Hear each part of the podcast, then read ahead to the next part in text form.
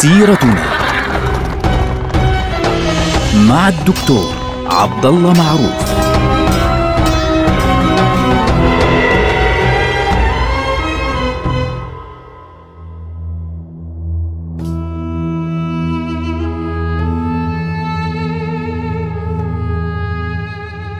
السلام عليكم ورحمة الله وبركاته. سيرتنا سيرة هذه الأمة ونحن الآن في عهد السلطان عبد الحميد الثاني.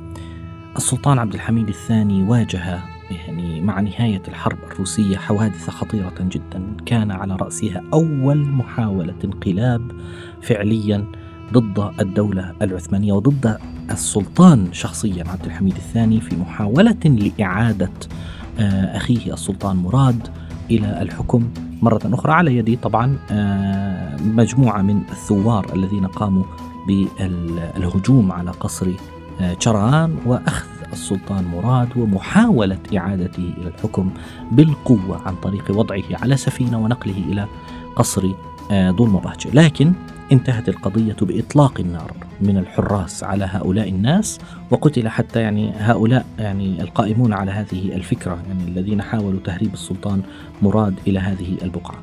طبعا مباشرة بعد هذا الحدث بثلاثة أيام على فكرة يعني يوم 22 مايو. أو يعني و... نعم 22 مايو. لأنه حدث حصل في 19 مايو بعض الآراء بتقول 20 مايو هو 19 و20 بعد يومين أو ثلاثة يعني في 22 مايو من عام 1878 حدث حدث آخر. أحرق جزء كبير من الباب العالي. الباب العالي طبعا اللي ما بيعرف إسطنبول الباب العالي هو مقر الحكومة العثمانية. طبعا لليوم اسمه الباب العالي معروف هو يعني بتيجي وأنت ماشي عند منطقة آه، حديقة جلهانة عند بوابة حديقة جلهانة بتضلك ماشي لتحت شوي. فمباشرة هناك برج وأمامه مباشرة الباب العالي وهو حتى الآن على فكرة مقرات حكومية للحكومة التركية. ذلك الوقت كان اسم الباب العالي مرتبطا بالحكومة العثمانية. ليست الحكومة مقرها في القصر وإنما في داخل منطقة الباب العالي. أحرقت دائرة شورى الدولة وتوابع دائرة شورى الدولة وأحرقت دائرة الأحكام العدلية ودائرة التشريفات والدائرة الداخلية بكل ما فيها من أوراق رسمية ومن مفروشات وشيء كان فظيع. طبعا التحقيقات في ذلك الوقت تبين أن هذا الحريق كان مفتعلا. كان مفتعلا من الذين قاموا بالمحاولة الانقلابية الأولى على السلطان عبد الحميد الثاني وفي محاولة لإعادة السلطان مراد في ذلك الوقت. طبعا هناك سؤال يطرح نفسه ماذا كانت ردة فعل السلطان عبد الحميد الثاني على هذا الحدث وخاصة على أخيه السلطان مراد؟ طبعا السلطان عبد الحميد للعلم أعاد أخاه إلى القصر جران كما هو نعم شدد الحراسة في القصر ولكن لم يمس السلطان مراد بأي سوء لأن السلطان مراد أصلا كان مريضا. يعني السلطان عبد الحميد اعتبر أن الأمر لا علاقة له بتدبير من السلطان مراد وإنما يعني أخوه هو رجل مريض وهؤلاء يحاولون كانوا في ذلك الوقت السيطرة على السلطان عبد الحميد الثاني بالقوة بشكل كبير جدا ودون موافقة منه. كانت من نتائج هذه الأحداث أن السلطان عبد الحميد قرر لأول مرة في تاريخ الدولة العثمانية تأسيس جهاز استخبارات سري يتبع السلطان مباشرة جهاز المخابرات الداخلية. هذا كان يسميه في ذلك الوقت جهاز الخفية. الخفية. الخفية يعني العمل السري يعني فعليا. وهذه استخبارات أنشأها السلطان بنفسه. وهذا الأمر جعل السلطان يكون على علم بكل ما يجري في الدولة، لاحظوا الاحتياط عند السلطان عبد الحميد. أضف إلى ذلك أنه اتخذ قرارا آخر بعد ذلك في أواخر عام 1878 وهو ترك قصر دول مبهجة، يعني لم يمر على سكنه فعليا في قصر دول مبهجة أكثر من تسعة أشهر في ذلك الوقت، لكنه قرر أن يترك هذا القصر وانتقل إلى قصر يلدز. طبعا قصر ذو المبهجة يا إخواننا هو القصر الذي بناه السلطان عبد المجيد الأول والد السلطان عبد الحميد الثاني. وهذا ذكرناه سابقا والقصر معروف طبعا فيه مبالغات كبيرة في الفخامة وفي غيرها. لكن السلطان قرر أن ينتقل منه تماما لعدة أسباب. واحد منها أنه السلطان عبد الحميد رأى أن موقع قصر طول مبهجة موقع مكشوف يعني هو جاي على البحر مباشرة وبالتالي أي مجموعة تأتي من البحر يمكنها أن تقتحم القصر مباشرة كما حدث في حادثة الثورة هذه التي انطلقت في ذلك الوقت أو ليست ثورة طبعا هي محاولة إعادة السلطان آه، مراد الخامس. آه، أضف إلى ذلك أن السلطان عبد الحميد كان يرى أن هذا القصر فيه أقسام كبيرة جدا ومرتبطة بشكل كبير جدا كلها تطل طبعا على شاطئ البحر وهو آه، بناء مغلق. وفي نفس الوقت كان هذا القصر ساحة لأحداث دراماتيكية كبيرة جدا. عاشها نفسه السلطان عبد الحميد في أيام السلطان عبد المجيد وفي أيام السلطان عبد العزيز وكانت الأمور صعبة جدا بالنسبة له. طبعا كان هناك ذكريات صعبة في هذه البقعة. طبعا هناك يعني ذكريات لطيفة مثل افتتاح البرلمان إلى آخره. لكن هذا القصر كان يمثل عند السلطان عبد الحميد الثاني رمزا فعليا للعهد. الجديد الذي أرادوا فرضه منذ أيام السلطان عبد المجيد أيضا في أيام السلطان عبد العزيز. ولذلك كانت القضية بالنسبة له أنه يريد أن ينقطع تماما عن هذه المنطقة واختار هو بنفسه أن ينتقل إلى هذه البقعة. هذه البقعة كانت تستخدم قديم يعني قديما قبل سنوات يعني من قبل السلاطين باعتبارها ميدان تنزه فقط وساحة مسابقة. وأقدم بناء في هذه البقعة يعني كان عمره 1600 سنة يعني بناء قديم جدا. وحتى تذكر بعض الروايات أن السلطان أحمد الأول كان قد يعني بنى هناك قصرا صغيرا جدا للصيد يعني هي تلة جاي آه، معروف القصر أنه جاي على تلة. أضف إلى ذلك السلطان عبد الحميد كان يرى أن هذا القصر يطل لأنه مرتفع يطل على إسطنبول بشكل أفضل. القصر قصر يلدز فعليا أطلق عليه هذا الاسم يعني على الأرجح في عصر السلطان سليم الثالث كما يذكر فعليا. ولكن آه، في عهد السلطان عبد الحميد صار اسمه هميون قصر يلدز أو يلدز سراي. هميون يعني القصر الملكي إن صح التعبير. طبعا كانت في البداية المباني الموجودة فيه صغيرة. ولكن السلطان عبد الحميد زاد فيها وضع مجموعة من المباني المرتبطة طبعا هناك معمار أرمني اسمه ساركيس باليان. هذا الرجل أتم البناء بشكل سريع جدا استخدم تقنيات حديثة خاصة في القسم الأول اللي هو أحد الأقسام الثلاثة لقصر يلدز القسم الأول تدخل فيه هذا المعمار الأرمني اللي هو ساركيس آه، بيليان. أيضا آه، دخل أيضا بعد ذلك في عملية البناء اللي هو المعمار الإيطالي ريموندو دي أورونكو. هذا الرجل بنى قصرا إضافة يعني الثاني اللي هو القصر الثاني كان يعني بعيدا إلى حد ما عن المنطقة المفتوحة.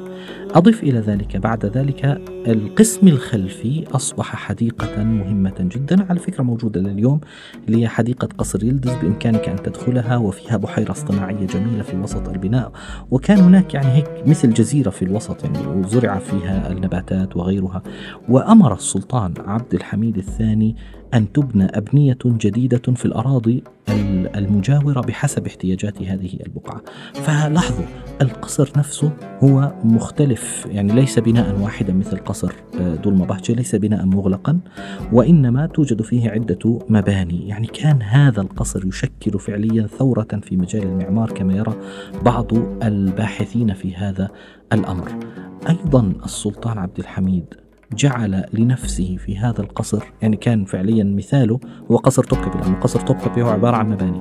وجعل لنفسه مكانا خاصا في القصر عبارة عن منجرة فقط لأنه كان يحب أن آه، يعمل بالنجارة. وكان نجارا ماهرا على فكرة وما زالت بعض أعمال السلطان عبد الحميد الثاني موجودة في هذه البقعة. أضف إلى ذلك أن السلطان يعني كان يهتم في مسألة الأمن في هذه المنطقة. يعني السلطان يعني مباشرة أول ما يجي واحد يعني يريد أن يقابله مباشرة تكتب له بطاقة يقدم له على طبق اسم الشخص الذي يريده مباشرة. فيعني كان ممكن إنه يتدخل يعني يوافق أو غيره. موظفي القصر والخدم كانوا قديما في قصر ذو المباهجة في نفس البناء بيروحوا بيجوا مباشرة. فلم يكن من الصعب عليهم أن يتنقلوا بين المناطق المختلفة في القصر في قصر ذو المباهجة فممكن واحد يجي من السلاملك إلى الحرملك عن طريق يعني عدة مداخل. وهذا الأمر كان يسهل عليهم فعليا مراقبة أعمال السلطان وكان يمكن لأي خائن على سبيل المثال أن يدخل من يمين أو اليسار إلى آخره. لكن مدخل قصر آه، يلدز كان مختلفا. فكان هناك جداول يومية. يعني عند البوابة يعرف من خلالها من يدخل متى يدخل متى يخرج. من سيقوم بزيارة منطقة المابين اللي هي المنطقة اللي يعني يقابل فيها السلطان الناس مكتبه إلى آخره. كيف يتحرك باتجاه مكتبه الخاص؟ كان سهلا جدا. إضافة إلى ذلك كان هناك انفصال بين منطقة الحرم ومنطقة التواصل المباشرة مع الجمهور ومع الضيوف. وبالتالي كان هناك أيضا عملية آه، يعني شفرة خاصة تم إنتاجها لكيفية التواصل بين موظفي الدولة في منطقة قصر يلدز. يعني أصبح التواصل داخل القصر يتم من خلال كتابة شفرات. وصار التواصل بين القصر والبلديات المختلفة يعني مباشرا مهما كثرت هذه البلديات وهذه المؤسسات وهذه الدول. فلاحظوا التقارير الخاصة كانت ترسل مباشرة. القضية أن السلطان كان من خلال عمله في هذا القصر يعني لا يبالغ في الفخامة وغيره ولكن يبالغ في طريقة إدارة الدولة يعني ترتيب القصر بناء على الأسلوب الذي يريده في إدارة الدولة. وهذه كانت تحفة حقيقة في آه، طريقة إدارة القصر وبناء القصر الجديد. لاحظتوا إذا كيف كان السلطان يربط مسألة بناء القصر ليس بفخامة ويعني بين قوسين فشخرة كما نحكي بالعامية لا وإنما بطريقة الإدارة. كيف تتواصل المؤسسات المختلفة؟ كيف تصل الفكرة إلى السلطان؟ كيف تصل الأخبار إلى هنا؟ كيف يتم حفظ الأمن في الداخل؟ كيف يتم الإشراف على المدينة من, من الخارج؟ وهناك مبنى صغير على فكرة موجود حتى اليوم مفتوح كان مفتوحا قديما للجمهور لكنه أغلق للترميم. آه هذا المكان كان فيه يعني مكتب خاص صغير للسلطان عبد الحميد الثاني في الأعلى يطل منه على البوسفور. كان يعني شيء مذهل هذا القصر. يعني لمن يزوره يستطيع أن يرى عقلية السلطان عبد الحميد الثاني في هذه البقعة فعليا في هذه المنطقة. هذه التي تبين لنا طريقة إدارة السلطان عبد الحميد الثاني فعليا. كان قد أعطى صورة عن الدولة العثمانية أنها تعمل كل يوم وأنها تعمل 24 ساعة. يعني لم يعد هناك إمكانية لأي جهة أن تظن أن الدولة آه والله نايمة اليوم أو مش مش دارية في مش دارية في الطبخة إن صح التعبير. وكان أهم الصفات التي تبين آه كيفية ارتباط السلطان عبد الحميد الثاني بمسألة المعمار في قصر يلدز كانت تبين أن السلطان محتاط وحذر. وهذه هي النقطة الأساسية. التي رد فيها على الهزيمة التي حدثت في حرب 93 التي كانت بين الدولة العثمانية وروسيا. نلقاكم على خير والسلام عليكم.